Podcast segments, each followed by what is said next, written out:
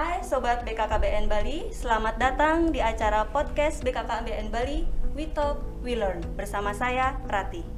Hari ini kita kedatangan tamu yang sangat istimewa yaitu Bapak Deputi Lalitbang, Pelatihan Penelitian dan Pengembangan BKKBN RI yaitu Bapak Profesor Rizal Matua Damanik.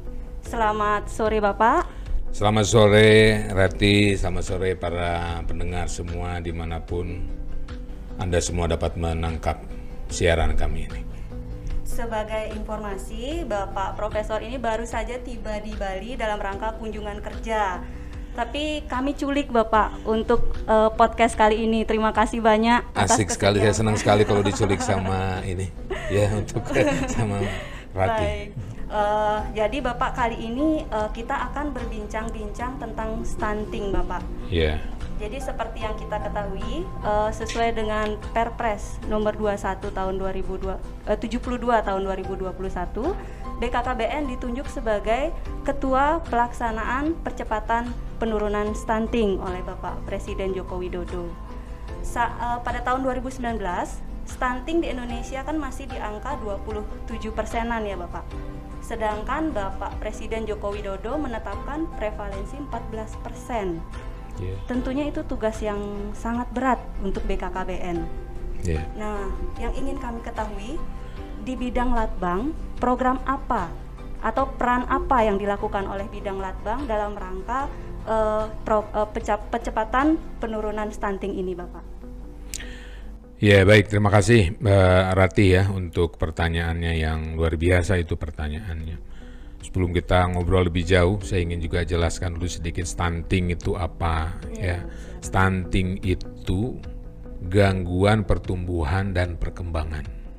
Jadi gangguan pertumbuhan dan perkembangan seorang anak akibat dari kekurangan gizi secara kronis. Ya.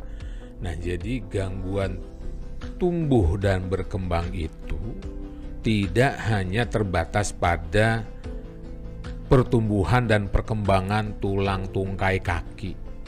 Karena kan banyak yang bilang kalau orang pendek, pendek itu stunting, ya kan? Kalau kalau stunting itu pendek, ya, tapi betul. pendek belum tentu stunting. Ya, itu karena yang dapat dilihat secara kasat mata itu adalah pendeknya akibat dari pertumbuhan tulang tungkai kaki itu ya yang eh, terhambat karena kekurangan eh, zat kalsium gitu.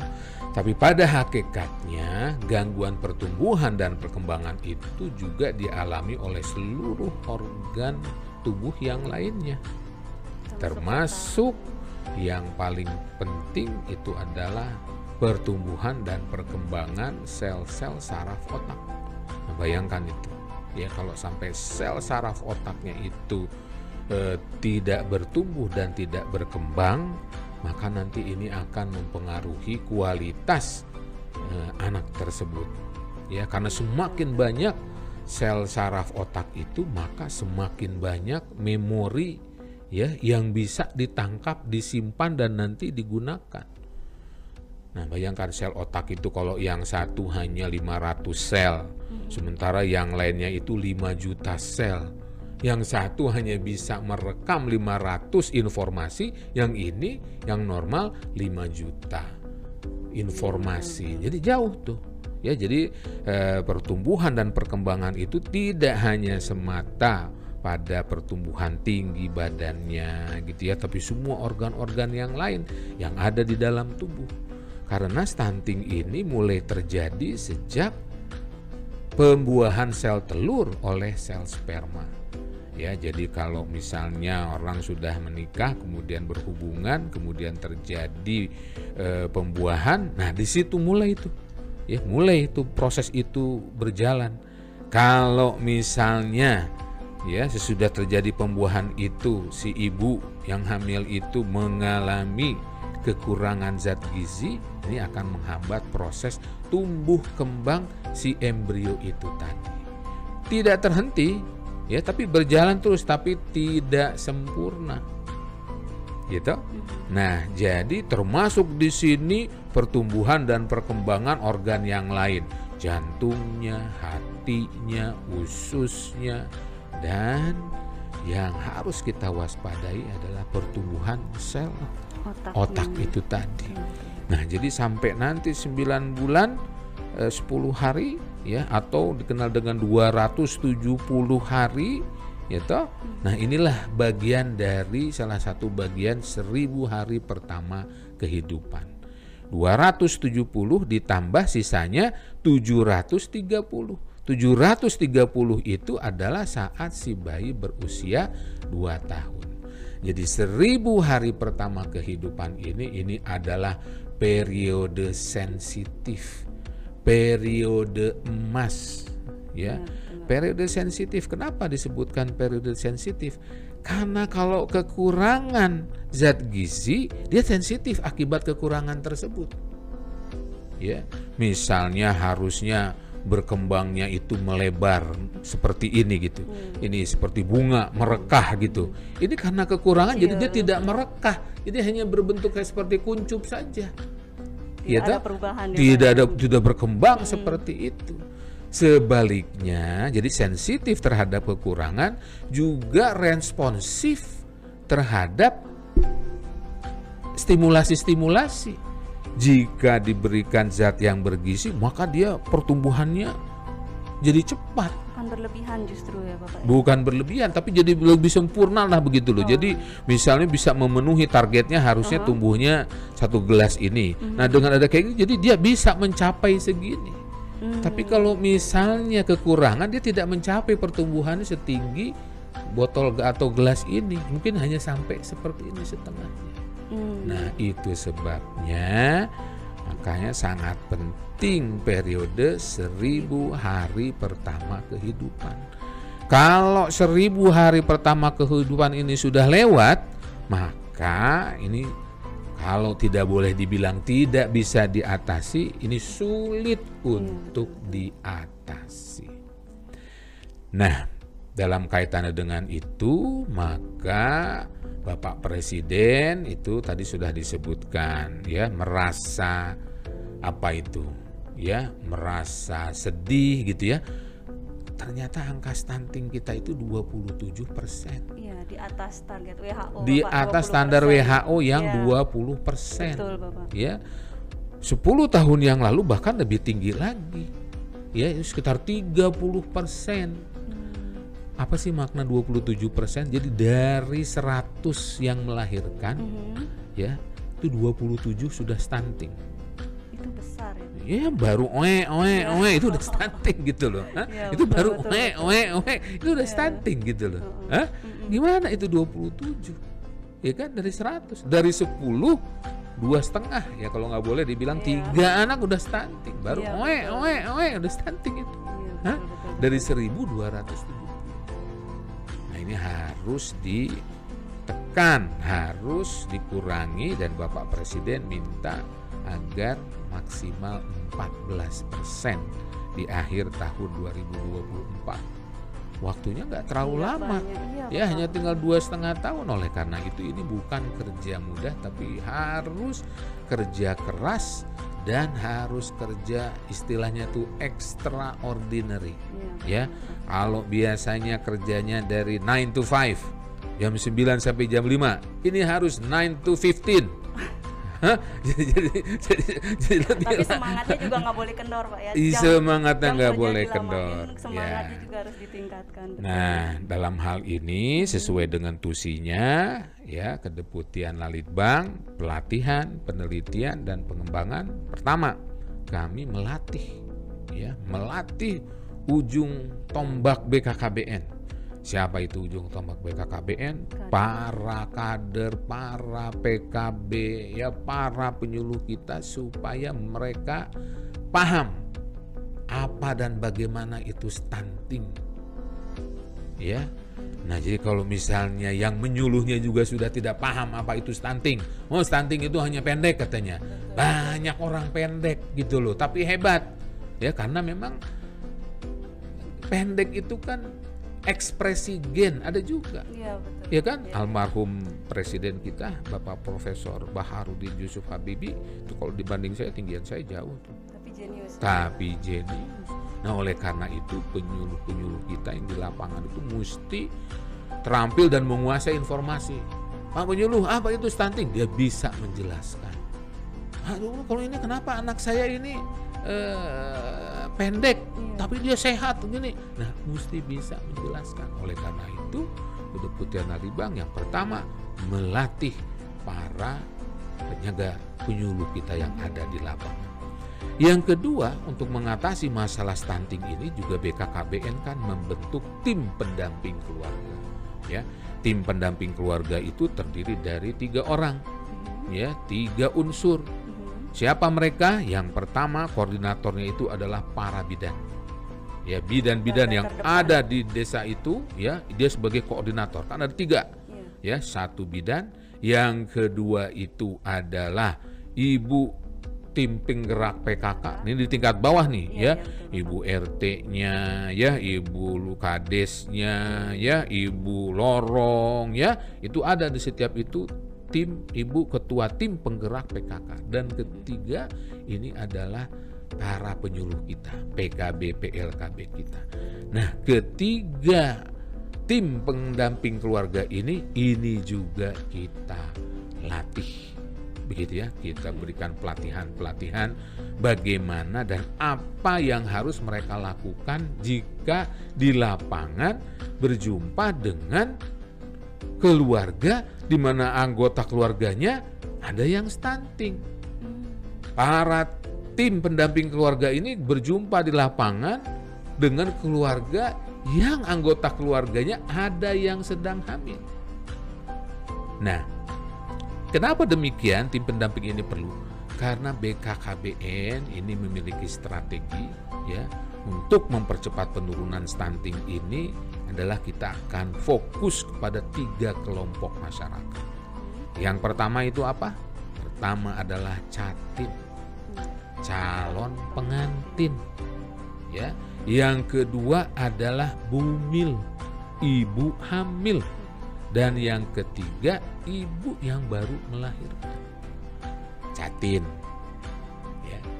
Kan tadi saya di awal udah bilang, stunting itu adalah gangguan tumbang. Nah, ini hebat nih, udah tahu juga tumbang apa Dahsyat ini. Ya emang Oh, uh, gudangnya luar biasa. Jadi kadang kita lupa apa ini. Gangguan tumbang iya. akibat kurang gizi. Iya. Yaitu kapan dimulainya? Sejak terjadinya pembuahan sel telur oleh sel sperma. Siapa mereka itu?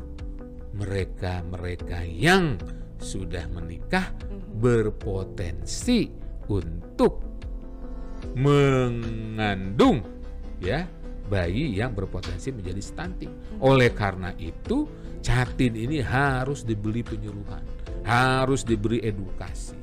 Jadi BKKBN menempatkan strategi tiga belum si catin ini menikah, itu dicek dulu kesehatannya. Ya kan? Catin wanita, mempelai wanita, dia anemia atau enggak? Misalnya, kemudian yang kedua, tahu nggak resiko? Bukan resiko ya. Kalau sesudah menikah itu dia akan berubah status dari gadis menjadi ibu. Tahu nggak apa yang harus dipersiapkan? Siapkan, ya. Kalau nanti dia hamil gimana? Tahu nggak? Mhm. Nah, laki-lakinya juga calon suami itu juga harus dipersiapkan. Apa kewajibannya? Dia mau nggak mendukung istrinya nanti menyusui? Nah, jangan pilih suami yang tidak mensupport eh, menyusui. Jangan pilih istri yang tidak mau kan berdua ya, menyusui, ya ya? kan? Kan berdua jadi mesti Betul, kita betul, beri pelatihan. Jadi yang pertama itu cantik. Nah, siapa yang melakukan ini? Tri pihak triparti tiga orang tadi yang saya sebut tim pendamping keluarga. Yang kedua bumil ibu hamil. Nah, ibu hamil ini juga harus diajari bu makannya yang benar. Sekarang ibu makan itu berbeda. Kalau selama kemarin sebelum hamil ibu makan untuk kebutuhan ibu sendiri, sekarang ibu makan ini untuk kebutuhan si calon si Made ini calon bayi ini ya kan? Jangan diet. Iya, jangan. Ya toh, mesti ingat itu jangan hanya makan mau yang pedes-pedes, yang asam-asam saja jangan, ya. Nah, tapi harus makan makanan yang bergizi seimbang. Kemudian Bu, sebentar lagi kalau nanti melahirkan, Ibu akan menyusui. Perlu persiapan-persiapan. Karena status gizi ibu hamil akan menentukan status kemudian. Dan yang ketiga, nanti adalah ibu menyusui yang sudah melahirkan. Ya, itu juga kita beredukasi apa? Untuk mengikuti program KB pasca persalinan ya. Jangan langsung Bu punya anak lagi tapi beri dia susu menyusui itu adalah hak azazi si bayi berdosa kalau tidak disusui karena makanan pertama dan makanan satu-satunya makanan yang cocok untuk bayi itu adalah ASI air susu ibu. Bukan air yang lain bukan madu bukan pisang raja yang disaring, bukan, bukan, bukan, tapi apa hanya? Air susu ibu. Nah, jadi jajaran Lalitbang melakukan pelatihan kepada tiga pejuang di lini terdepan tadi. Ya, bidannya, ibu PKK-nya sama penyuluh-penyuluh kita latih untuk seperti itu. Nah, jadi dengan adanya kegiatan-kegiatan ini ya kita harus optimis ya jangan menyerah sebelum berperang iya. Harus kita bertarung dulu di lapangan dengan sungguh-sungguh persiapannya and we'll see ya. Apakah kita yang kalah atau mereka yang kita kalahkan. Jangan sampai pak kita harus menang. Karena kan generasi menang. stunting itu kan juga menghambat uh, ekonomi, Bet menghambat pertumbuhan suatu bangsa. Betul sekali, ya enggak. Jadi apa yang kita lakukan sekarang ini sebetulnya adalah investasi. Betul, Karena kita kita semua ini ya seperti saya juga nanti akan menjadi manula, ya kan? Kalau misalnya pemimpin-pemimpin kita pada stunting, Hah? Gimana ini? Eh, tidak mampu memikirkan nasib kita ini gimana ini? Jadi harus selagi kita masih sehat, masih aktif, kita harus berinvestasi untuk masa lanjut usia kita nanti. Apa? Kita persiapan. Kita. Iya, supaya nanti pemimpin-pemimpin kita itu berkualitas. Itu. Tadi itu penjelasan Bapak sudah rinci sekali Bapak tentang apa itu stunting, hmm. apa program dari uh, kedeputian atau bidang Lalitbang di BKKBN. Hmm uh, kemudian program yang akan kita dibuat oleh Deputi Lalitbang ini kan salah satunya itu pembentukan TPK itu yang sudah Bapak sebutkan tadi dari tiga unsur di masyarakat itu. Yeah. Nah, di penjelasan itu saya menangkap bahwa tugas mereka juga tentunya ternyata tidak ringan, Bapak. Tidak ringan. Uh, jadi uh, Deputian Lalitbang akan memberikan pelatihan kepada tiga unsur itu agar dapat memberikan pengetahuan, informasi dan juga menjadi pendamping bagi keluarga yang mem yang memiliki calon pengantin, yang memiliki uh, apa namanya balita dan juga yang menyusui. Menyusui. Nah, dari tugas-tugas uh, yang berat itu tentunya akan diberikan pelatihan seperti yang sudah Bapak jelaskan tadi. Yeah. Nah, dalam pelatihan itu Bapak, apakah BKKBN hanya akan melibatkan narasumber internal atau BKKBN akan e, mencari atau memberikan narasumber yang memang bisa membantu para e, tiga unsur itu bidan, PKK dan PKB itu untuk dapat melaksanakan tugasnya di lapangan. Karena kan bukan hanya sekedar pengetahuan ya Pak pastinya. Karena kalau kita turun ke lapangan itu yang kita hadapi itu adalah masyarakat dengan berbagai latar belakang, dengan berbagai uh, apa namanya pengetahuan, tingkat pengetahuan dan lain-lain. Tentunya selain berbekal pengetahuan juga banyak yang harus dibekali kepada tiga unsur itu untuk dapat melaksanakan tugasnya di lapangan. Yeah. Nah, terkait narasumber yang saya tanyakan tadi, apakah BKKBN juga akan menyertakan uh, narasumber terkait yang di luar dari instansi BKKBN? Iya, betul sekali itu pertanyaannya. Jadi dan memang ini kan pelatihan program pelatihannya sudah berjalan sekarang ini. Oh, Sudah berjalan dan sedang berjalan karena banyak sekali ini ya tenaga pendamping yang harus kita latih. Nah, dalam pelatihan-pelatihan ini selain menu-menu standar yang harus diketahui oleh para tim pendamping seperti kayak tadi gitu ya. Apa itu stunting ciri-cirinya apa? kita juga lakukan berikan bagaimana berkomunikasi begitu ya. Kemudian juga bagaimana supaya eh, tidak mudah eh, putus Menyerah, semangat putus- menyerah gitu loh. Kalau misalnya dicuekin apa itu dicuekin Iya, itu iya, ya iya, iya. tidak mendapat tanggapan dari masyarakat gitu loh ya enggak Iya. oleh karena itu kan mereka perlu dilatih Betul, ya. Bapak. how to attract the audience gitu ya. Bagaimana supaya pendengar kita itu tertarik ya. Makanya juga harus memiliki kemampuan ini bisa langsung bicara ajak bicara stunting atau misalnya mesti belok dulu ke kiri ya kemudian di tengah jalan juga nih terus saja kalau lulus terus itu jadi betul, ngantuk betul, lagi betul. gitu loh ya Iya, enggak betul. belok dulu ke kanan ya kan dengan betul, betul. kasih contoh-contoh yang misalnya mereka familiar misalnya nah tentunya ilmu-ilmu yang seperti ini juga selain dari eh, para widya iswara yang dimiliki oleh BKKBN kan kami ini BKKBN memiliki banyak sekali mitra strategis. Bisa dari eh, kalangan perguruan tinggi bisa dari kalangan selebritis gitu ya. Bisa dari kalangan non profesi atau profesi lainnya. Ini sekali dua kali kita kita insertkan kita masukkan juga di dalam pelatihan tersebut. Selain untuk membuat suasana yang baru begitu ya juga untuk mengurangi kejenuhan kenapa? Karena ini kan pelatihannya yang sudah berjalan ini kan secara online. Ya jadi komunikasinya itu harus diatur. Nanti kalau misalnya sudah benar-benar reda gitu ya kita bisa lakukan lanjutan pelatihan-pelatihan itu secara luring.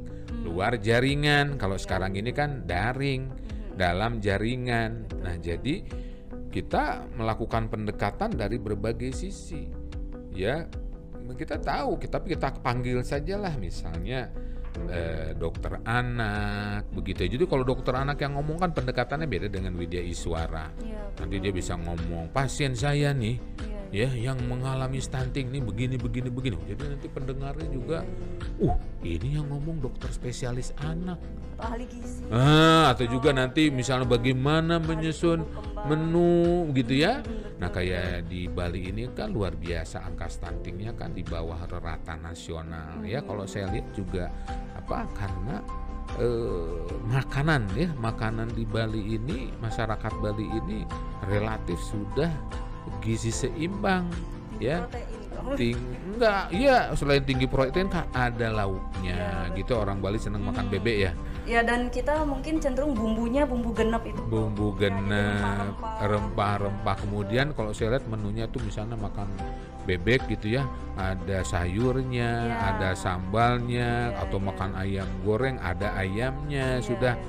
sudah Terakomodir gizi lah ya. seimbang gitu ya ada juga buah-buahannya seperti itu jadi eh, ini barangkali salah satu dampak daripada rendahnya angka stunting di provinsi Bali. Sementara di daerah-daerah yang lain kan makanannya sayurnya itu lagi, itu lagi, itu lagi, itu lagi bahkan kurang gitu ya. Nah kalau di Bali kalau saya lihat koreksi saya kalau salah gitu ya, itu ada kayak urap. Di sini namanya urap Iya, juga ya, urap urap, urap, Iya, urap kan betul, ada ada bun, ada kacang panjang, ada toge, ya kan tambah lagi perintil-perintil kelapa gitu kan. Nah, seperti ditambah lagi dengan lauknya ayam atau bebek. Ikan juga ada di sini makan ikan. Eh, makan, Prof. Jarang ya. Eh, tergantung daerahnya sih, Prof. Tergantung Ya, daerahnya. Kalau eh, di daerah yang agak pegunungan itu agak terbatas eh, Hmm. jenis ikannya, tapi makan ikan tapi agak lebih terbatas. Begitu ya. Ya, kecuali kalau daerah danau di Batur Hmm. itu terkenal dengan ikannya juga Hmm. mujair. Iya, ya, iya, jadi iya. tergantung wilayah sih, Ikan Prof. Mujair. kita- Iya, kalau Dimasak di, apa ikan mujairnya? Kalau di Bali namanya nyat-nyat, Prof. Jadi Nyat-nyat. kayak iya, jadi bumbu genep gitu tapi dia eh, kuahnya sedikit gitu. Oh, wah bisa bisa bisa menjelaskan dengan Bang dengan detail nanti boleh nih bisa masak ini ya praktek nih jangan hanya teori aja makan. bagus itu ya Tapi nah. meskipun seperti yang Prof sebutkan Bali itu memang tingkat eh, apa namanya stuntingnya di bawah rata-rata kan bukan berarti kami harus berleha-leha. Ya, Kami betul. tetap harus mempersiapkan. Nah, yang eh, untuk tim TPK ini, Prof, Hmm. mereka kan pelatihan ini sudah berjalan. Hmm. Sementara ini masih dengan eh, metode daring. Daring, Untuk selanjutnya rencananya akan luring. luring. Uh-uh. Kemudian ka- eh, kapan mereka kira-kira bisa terjun ke lapangan untuk kapan kira-kira mereka siap untuk eh, terjun ke lapangan untuk eh, bertemu dengan masyarakat dan membagikan informasi atau ilmu yang telah mereka dapatkan dalam pelatihan itu. Prof? Makasih ya pertanyaannya bagus-bagus banget nih ya. Nah jadi kan BKKBN itu kan baru selesai menyelenggarakan apa yang namanya itu pendataan keluarga. Iya betul. Ya pendataan keluarga ini adalah bagian daripada rencana aksi nasional tentang stunting gitu loh. Ya kan? Jadi dengan pendataan keluarga dari namanya saja kan kita tahu pendataan keluarga. Jadi di data outputnya salah satu outputnya itu adalah keluarga berpotensi stunting. Nah nanti yang keluarga berpotensi stunting inilah yang menjadi sasaran utama. Sasaran utama saya katakan. Jadi ada sasaran yang lain, tapi yang utama adalah hasil dari PK ini ya yang akan mengeluarkan ini loh secara nasional di Provinsi Bali keluarga yang berpotensi stunting ini beli ini di RT RW sekian di Kabupaten Buleleng. Nah, misalnya kayak gitu. Ayu ini di sini di sana di Kampung Tabanan. Nah, Kabupaten Tabanan. Jadi sudah ada. Nanti tim ini akan diinformasikan, kemudian akan dilakukan cek di lapangan dan menjadi sasaran. Nah, ingat Rati, perang kita ini bukan perang sesaat. Iya betul. Iya toh, bukan sekali ketemu udah selesai. Iya. Enggak. Bapak Presiden minta 2024 14. Kalau sekarang 27 2021 Iya. ya. Kalau perhitungannya dari tahun 2020 ya, Teh, itu setiap tahun kita harus turunkan 3%. Itu besar, Prof. 3% Iya, betul. setiap tahun untuk mencapai Angka 14. 14. Ini sekarang waktunya ini. Jadi oleh karena itu BKKBN akan mendampingi terus, akan melatih terus, akan mengupdate terus ya apa-apa yang sudah dilatih. Gitu. Jadi terus ini karena kami ini Kedeputian Litbang itu kan sifatnya itu servis, melayani. Jadi kami itu yang mengasah. Yang ngasah-ngasah tuh ngasah pisau itu ya Ya. kami. Nah, nanti kedeput Iya. ya. Nah, nanti kedeputian lain yang baru yang mengeksekusi motong sayur dengan pisau itu. Betul. Kalau tumpul lagi mesti diasah lagi nih. Jadi dibalikin lagi ke Deputian Litbang, diasah lagi. Jadi kita pantau terus ya. Ini sudah update atau enggak? Ya, masih perlu diasah, diasah lagi. Jadi terus. Jadi kalaupun sudah berjalan, nah rencananya di tahap awal ini karena ini persiapan-persiapan Iya. ya, persiapan pendataan keluarga ini Hmm. finalisasi di launchingnya ini nanti mudah-mudahan insya Allah di awal bulan November ya Bulan depan. bulan depan ya awal bulan depan kemudian juga kan kita perlu koordinasi ya koordinasi dengan para bupati wali kota ya para lurah. Ini kan kita perlu koordinasi nih. Jadi insya Allah nanti awal tahun depan ini program sudah berjalan begitu. Nah, jadi seperti itu. Jadi terus, jadi Kedeputian Litbang akan memonitor hmm, masih tajam atau enggak, asah terus, asah lagi, ditambah lagi kalau nanti misalnya kurang tenaga tenaganya, ya kita akan lakukan seperti itu. Oke, berarti dari yang obrolan kita hari ini Bapak sebenarnya sesuai sekali dengan apa namanya uh, tagline kita we talk we learn. Jadi kita dapat belajar banyak hal ya dari pembicaraan kita hari ini. Yang pertama itu apa? Itu stunting. Kemudian apa peran BKKBN dalam stunting ini?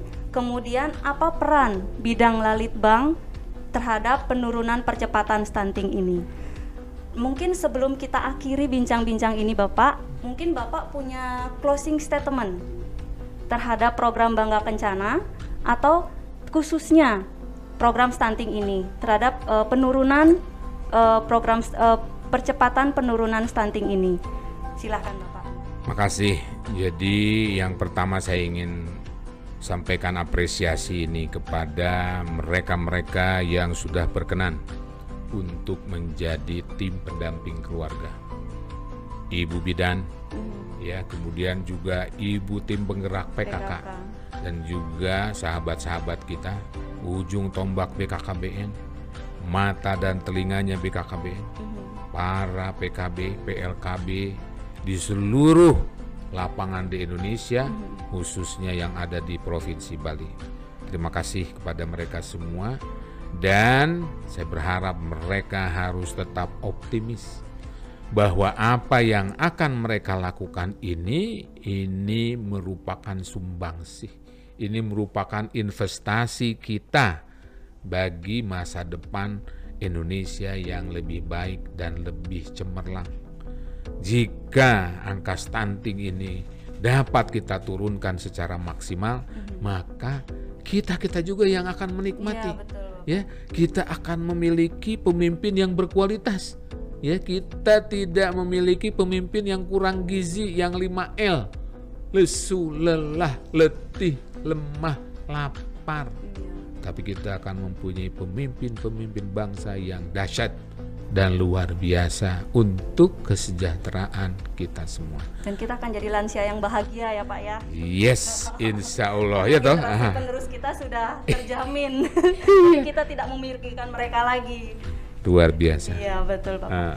Uh, mungkin ada sedikit pesan Bapak kepada penonton podcast kita agar uh, jangan lupa subscribe, komen dan like-nya kepada seluruh medsos yang dimiliki oleh BKKBN Bali. Jadi kita punya Instagram Bapak, oh, yeah. kita punya Twitter, kita punya YouTube dan kita juga punya FB. Jadi aktif Bapak.